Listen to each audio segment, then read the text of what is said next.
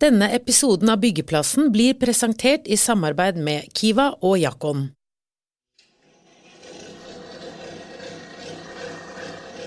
På tre år så har salget av nye eneboliger gått kraftig ned. Er det mangel på kunder eller tomter som er problemet?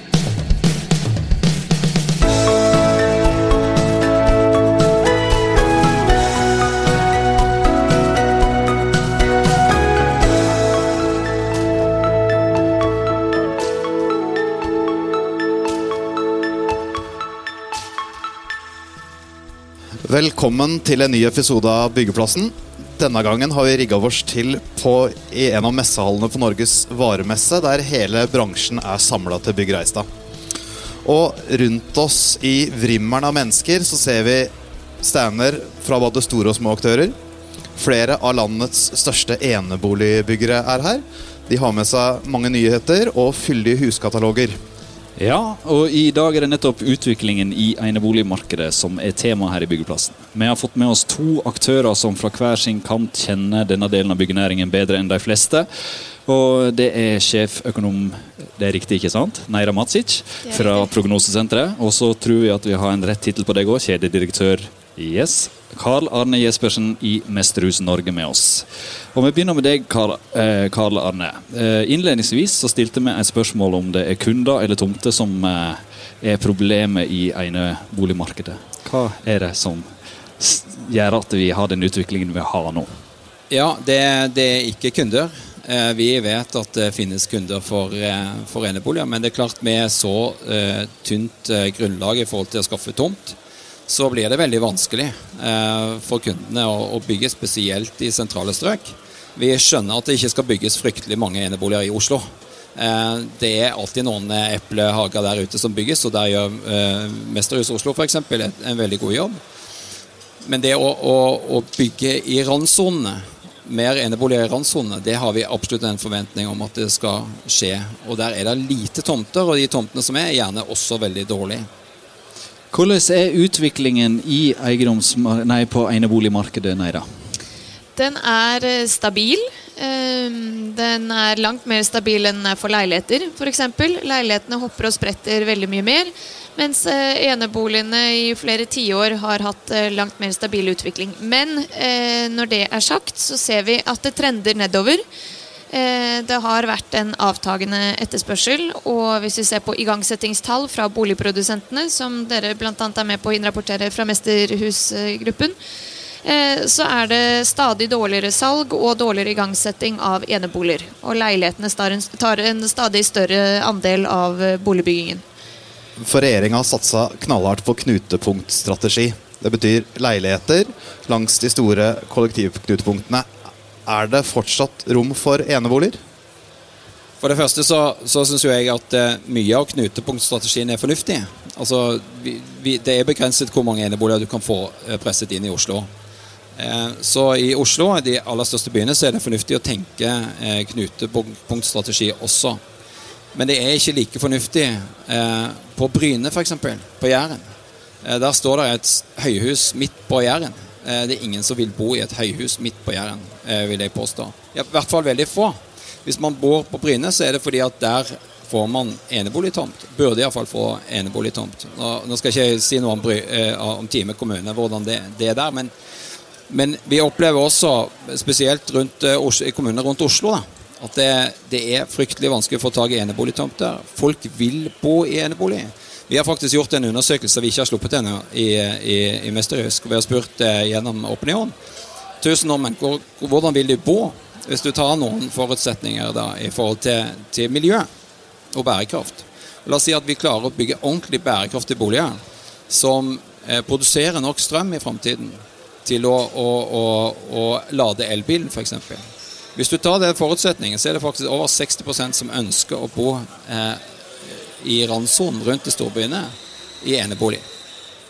Og Det, det syns jeg er litt interessant. da, fordi når du hører politikere, så, så, tenker man Jeg skjønner begrunnelsen for knutepunktstrategien. Det forstår jeg. Og, og jeg støtter delvis knutepunktstrategien.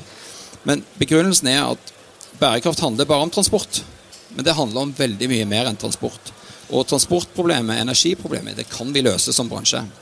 Hvis myndighetene spør bransjen kan dere løse dette, så er jeg sikker på at det er så store og tunge aktører og så mye kompetanse i bransjen at vi kan, vi kan komme opp med gode løsninger som gir svar på nettopp transportproblemet. Du sitter med tall og uh, oversikten der. Uh, hvordan påvirker demografi og befolkningsutvikling og sånne ting dette bildet her, da? Det er to eh, sånne megadrivere, som jeg vil kalle det, som påvirker eneboligmarkedet. Det ene er urbanisering, og det andre er eldrebølgen. Dette er megatrender som man ser verden rundt. Norge er ikke noe unntak. Det at folk ønsker å bo i, i byer, i sentrum, og at vi har overraskende mange kommuner i Norge som er fraflyttingskommuner. I netto er det flere som flytter ut enn inn. Og vi har også overraskende mange fraflyttingsfylker. Eh, så folk rømmer til eh, nærmeste by, og inne i bysentrum er det ikke plass til særlig mange eneboliger. Det er det ene som driver eneboligetterspørselen ned, og det andre er eldrebølgen. Eh, ved at befolknings- eller aldersgruppen over 70 år er den som øker mest i antall personer allerede fra i fjor så er det det. Så eldrebølgen er ikke noe som kommer, eldrebølgen er her. Og de eldre eh, ønsker seg leiligheter som er eh, lettstelte boliger sammenlignet med eh, eneboliger med hage, og der det er en del mer vedlikehold som må til. Og vi ser også dette i våre egne spørreundersøkelser. Når vi spør eldre mennesker hva slags boligtype de har i dag, da er det mange som svarer enebolig, og hva slags boligtype de ønsker seg i sin neste bolig, da svarer veldig mange leilighet. Og Hva sier prognosene deres om, om det ja, framover? Prognosene våre sier at eh, leilighetene sin andel av boligbyggingen bare kommer til å fortsette å stige. Eh, så vi venter en avtagende boligbygging totalt. Eh, men leilighetene som en andel er veldig mye større nå enn det det var for to tiår siden. Vi eh, spurte prognosesenteret der du jobber, om å få noen tall for eh, Kolbotn eh, rett utover Oslo, for Lørenskog og for Gjønnes i Bærum. Alle de tre plassene ligger rett utover Oslo. Og Knutepunktstrategien der ser ut til å ha skapt det noen kaller eldregettoer. Eh, han ene vi intervjua den gangen, han sa med, og han var altså 78 år sjøl, vi kaller det bare 1410 Gamlebyen om Kolbotn. Er det sånne gamle byer vi får rundt omkring når vi eh, har denne knutepunktstrategien? Problemet er jo at disse tomtene er svært dyre eh, pga. sin beliggenhet. Og da blir boligene dyre. Og hvem er det som har råd til de dyreste boligene? Jo, det er mennesker som har hatt eh, mange nok år på seg til å opparbeide kapital og formue. Og det er de eldre. Det er ikke min generasjon som har råd til de dyreste boligene. Det er et veldig godt poeng. Og er det én ting jeg mener at vi har bygget nok av i, i dette landet, så er det eh, glass og, og, betongbygg langs vannkanten rundt omkring langs elver og, og, og våger. Det er ikke det vi har behov for. Vi har behov for å bygge eh, familieboliger vi har behov for å bygge eh, rimeligere, f.eks. Og det er ikke måten å bygge rimeligere på å bygge nede i vannkanten. Men hvor enkelt er det å få tak i tomter, da? Det er ikke enkelt.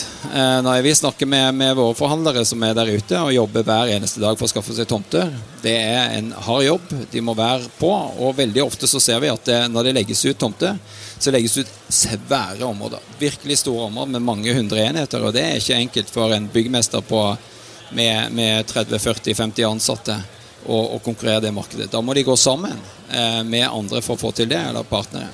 Jeg lurer på, Er det rett og slett i disse klimatider, da? Er det dårlig klima altså å selge inn et eneboligprosjekt? Du, bærekraftsmessig, hvordan ligger du an der i forhold til et leilighetsprosjekt? Ja, eh, jeg tror at eh, byggebransjen har eh, mye, eh, mye ugjort eh, i forhold til bærekraft. Og det skjønner Det, det, det tenker eh, tror jeg mange i byggebransjen nå. At vi har, vi, har, mer å gå på, vi kan bli enda bedre. Men hvis du ser, tar utgangspunkt i at vi, vi bygger i tre vi bygger eh, Tre er det mest eh, miljøvennlige, i hvert fall eh, er veldig mange som mener det, og vi gjør det. Eh, vi eh, har veldig gode håndverkere. Det er en viktig del av, av eh, bærekraft. vi blir stadig flinke på energi. vi kan bli enda bedre. Og vi tror jo alle at vi kommer dit at vi lager etter hvert hus som kan produsere strøm.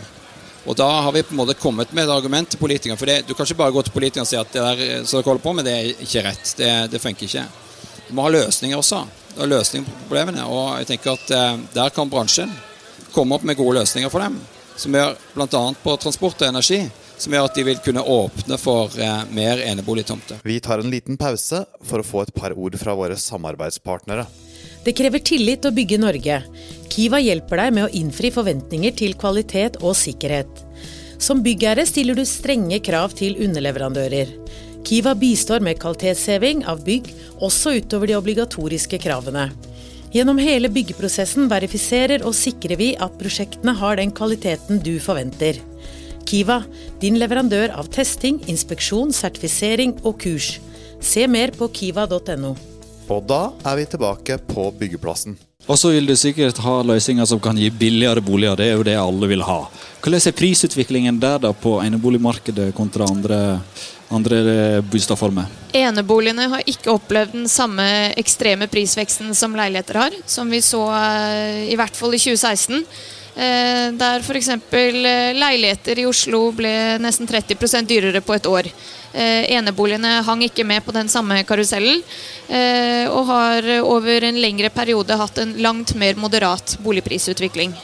Fordi Ehm, etterspørselen har vært fallende, og så er 56% av dagens boligmasse i Norge er eneboliger. Så det er egentlig en god del eh, eneboliger som står der i dag. Og med en litt sviktende etterspørsel så har det ført til, eh, til fallende priser. Men eh, bare kjapt tilbake til bærekraftspørsmålet. Vi har en, en rapport som heter Future Living, som nå nylig ble eh, publisert med dette bærekraftstemaet. Hvert kvartal er det et nytt tema. Og der spurte vi folk hva de syns er mest bærekraftig med murhus eller trehus. Og der svarte majoriteten trehus, oppfattet de som mest bærekraftig.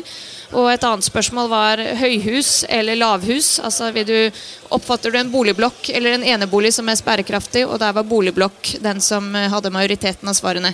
Og Vi spurte også om, eh, om du er villig til å betale mer for å få et eh, hjem, en bolig som er bærekraftsertifisert eller miljøsertifisert. Det var ikke majoriteten villig til å betale mer for. Kjenner dere dere igjen i det? Ja, absolutt. Eh, og, og, jeg tror jo at hvis man skal konsentrere seg om å, å, å det finnes jo mange segmenter i markedet, og vi bygger jo alt fra veldig kostbare hus til eh, en nisje av markedet som vil ha helt spesielle hus, eh, til, eh, til rimeligere versjoner. Jeg tror at det markedet trenger, hvis vi, hvis vi, nå går litt ut fra det som gjelder bare eneboliger, så tror jeg skal vi bygge rimelig, så må vi bygge på tomter som ikke er midt i sentrum. Eh, vi må ikke bygge på de dyreste tomtene. Vi må bygge leilighetsbygg gjerne i tre. To, tre, fire etasjer. Relativt sentralt. Det kan vi virkelig bygge billig. Da kan du få gode ungdomsboliger, da kan du få gode eldreboliger. Uten å måtte eh, f.eks. For, for de eldre å selge eneboligen og låne mer penger for å kjøpe en leilighet. Jeg lurer jo på, for Bærekraft er jo ikke bare miljø. Det er jo økonomisk bærekraft handler jo dette her om. Og for dine medlemmer, da, 150 stykker er det vel noe sånt i tallet, eh, i Mesterhus eh, Bomma jeg helt da? Nei. Men eh, hva gjør de når, eh, når eh, ikke de får bygge eneboliger? Går de over til rehab-markedet, og så mister du dem, da? eller? Eh, Altså, eh, i, Våre forhandlere de bygger både leiligheter og, eh, og eneboliger. Eh, så vi er, vi er, mest i nybygg, og vi er i, i, begge segmentene. Eller i alle segmentene, egentlig. Mye småhus også. Mye rekkehus. Eh, men eh, de er også veldig gode på rehab, og det så vi forrige gang. Nå var ikke jeg i Mesterhus for, eh, i 2009, men jeg, jeg, vet jo det at når det virkelig smalt så, i, bransjen, da, i finanskrisen, så var Mesterhus veldig flink å, å, å, orientere seg mot rotmarkedet. De har veldig mange flinke håndverkere. Så, så, så det skal vi nok eh, klare å tilpasse oss. Eh, men eh, vi, det vi gjør, ønsker aller helst, det er å bygge boliger. Enten det er eneboliger eller eh, leiligheter. Men Naira nevnte etterspørsel. Dere hadde en salgsvekst på 18% i første halvår i Mesterhus. Samtidig som vi snakka om at markedet går nedover. Hva gjør dere? Det, et, eh, det, har vært bra fart i, i Mesterhus og en, en, en, god utvikling. Nå får vi se hvordan det blir over hele året. Men eh, på salg så går det ganske bra. Vi ligger akkurat nå så ligger vi 10 foran eh, markedet. Men igangsetting er vi litt mer spent på. Hvordan det, det blir utåret. Der er det litt sånn avventende marked akkurat nå, som gjør at eh, vi ser iallfall i bransjen da, Jeg kan ikke snakke så mye om, om våre tall her, de er kanskje ikke så interessante før vi kommer helt helt ut året, men, men i igangsettinga så ser jeg jo at bransjen har en ganske dropp etter sommeren. og Det kan jo fort henge sammen med den internasjonale situasjonen. Og, og F.eks. boliglånsforskriften som kom, renteøkning som kom. Det litt sånn eh, nervøsitet eh, i, i, markedet, kanskje. Og kanskje er det bygget så mye at det faktisk er en del som er, eh, er bygget for, for lageret. Du nevnte eh, finanskrisa du her nå nettopp i ditt forrige svar. Eh, hvordan var situasjonen da for eh, eneboligmarkedet? Ja, Det er litt interessant. Jeg var jo i bransjen da. Jeg har vært ute av bransjen i, i seks og et halvt år. Kom tilbake igjen nå. Blitt mestersjef. Det syns jeg er utrolig artig. Eh, men jeg har vært i bransjen tidligere, og da var det faktisk sånn at i, i kriseåret 2009 så bygde vi faktisk mer eneboliger enn vi gjør i dag. Eh, og nå snakker vi på bransjen og ikke om, om mesterhus. da. Eh, og det er jo litt interessant. Så det er ingen tvil om at dette at eneboligsalget har falt over tid. Det jeg håper, det er at vi kan jobbe med politikere og få politikere til å skjønne at det eneboligen, den skal overleve den. Vi må ikke snakke som om eneboligen er død. Det er han slettes ikke. Det er masse folk som ønsker å bo i eneboliger. Det er det beste måten kanskje for eh, barnefamilier å bo. Det er ikke alle som skal bo i like dyre eneboliger, men at vi tilrettelegger for det, er vi veldig opptatt av. Har du svaret på det i dine tall, Neida? Hvor mange er det som har lyst til å bo i sånne eneboliger? Jeg vil bare først presisere at nybyggingen utgjør halvannen prosent av den totale, totale boligmassen. Så de, de, eneboligene som står der i dag, de kommer til å stå der i lang tid fremover. Og det vi bygger i dag, det utgjør en bitte, bitte liten andel av, av den totale boligmassen. Du skulle, jeg ser på deg at du sitter inne med noe. Men er det noe forskjell på altså Vi snakka mye om kollektivknutepunkt rundt storbyene. Mm. Er det forskjell derfra ut i distriktene? Eh, på om det påvirker enebolighetsspørselen? Ja. Vi ser jo at eh, det bygges stadig flere leiligheter også ute i distriktene. Eh, det er en trend som er nå ganske ny, eh, som ikke var vanlig før. Og det er mange steder der vi lurer på hvordan de klarer å bygge leiligheter der tomtekostnadene og byggekostnadene til sammen utgjør mer enn det vi ser at leilighetene kan selges for til periferien. Så det virker ikke som god business, men noen gjør det likevel. For du nevnte et område som vokste mest her til lands. Oppland? Ja, det var eh, Da så jeg på boligprisindeksen til SSB, andre kvartalstall i år. Så så jeg at uh, småhusene i Oppland hadde steget med 20% i pris i andre kvartal i år sammenlignet med andre kvartal i fjor. Skjønner ikke hvorfor. Ikke spør meg hvorfor. da spør jeg hvorfor. hvorfor det? Nei, det, det, tror ikke jeg skal prøve å forklare heller. Altså, det, det, det har vi ikke forklaring på. Vi tar en liten pause for å få et par ord fra våre samarbeidspartnere. Det du hørte nå, var en svær kall som brukte masse energi for å ta 350 kilo i knebøy. Vil du heller spare energi, skal du sjekke ut en lettvekter fra Fredrikstad isteden, nemlig Jakkon Termomur 350. Termomur er det moderne byggesystemet som gir høy bokomfort og lave energikostnader. Systemet er like bra både til grunnmur og vegger. Med Termomur 350 så tilfredsstiller du myndighetenes krav, med god margin.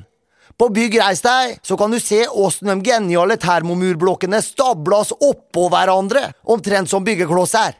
Så vi gleder oss til å se deg der, på Jakkons stand. Og da er vi tilbake på byggeplassen. Men eh, det kan hende det er eh, Etterspørselen der stiger. Kanskje det er deler av Oppland som er i pendleravstand til Oslo. De aller eh, mest eh, Ja, det er, det er, vanskelig å si, og kanskje tilbudet av, eh, av småhus har falt. Eh, kanskje de er blitt lei av å bo i leilighet i byen og vil hjem til mor? Det, det kan være. Og så har jeg også hørt det er kanskje litt mer spøk, men vi har også hørt at noen steder, noen små, små steder rundt omkring i landet som ikke har hatt leiligheter i hele tatt.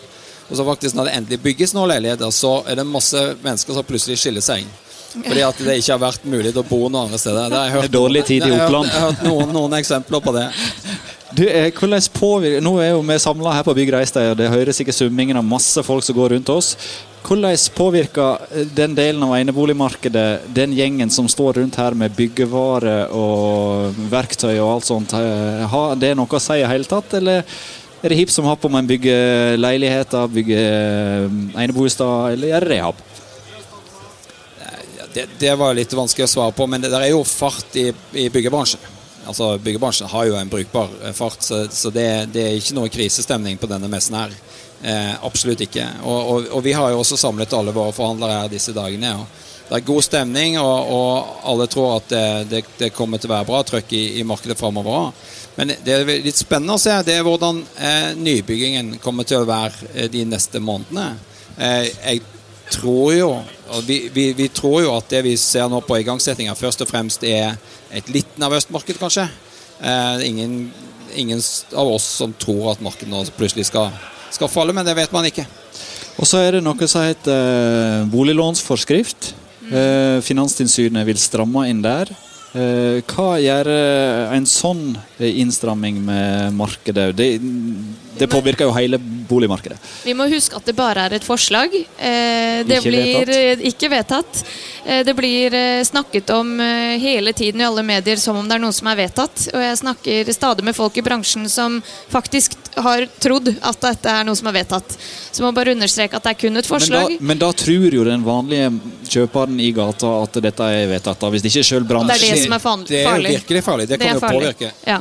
Nei, men det er nettopp det at eh, sentralbanksjefen Olsen var eh, ute her om dagen og rådet eh, Finansdepartementet til å ikke følge rådet fra Finanstilsynet. Så når du har selv sentralbanken som går inn og gir et råd om å ikke følge dette forslaget, så virker det for meg ganske tvilsomt at dette vil bli gjennomført. Det er jeg enig i, og, og, vi har også uttalt oss i forhold til det. For det første så syns vi er et dårlig forslag. Eh, for det andre så er timingen forferdelig dårlig hvis de gjør det nå. Eh, og eh, du har nettopp hatt en renteøkning, du har brexit og Trump og alt det der. Det å gjøre noe sånn nå, det ville kunne skape ustabilitet i markedet. Det trenger vi ikke. Vi trenger stabilt marked. Det, det, det aller beste for boligmarkedet er at det kan være stabilt. At det ikke går veldig mye opp, og at det ikke går veldig mye ned.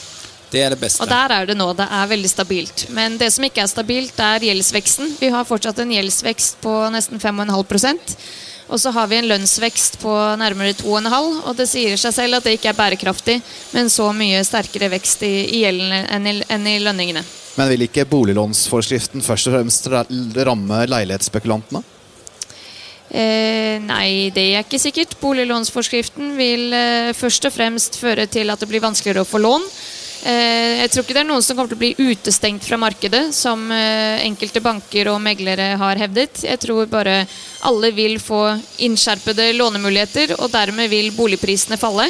Eh, på lengre sikt så vil det føre til at det for førstegangskjøpere blir enklere å komme seg inn i markedet. Men for leilighetsspekulanter så er det jo da spesielt dette forslaget om å fjerne egenkapitalskravet som er på 40 ved kjøp av sekundærbolig i Oslo.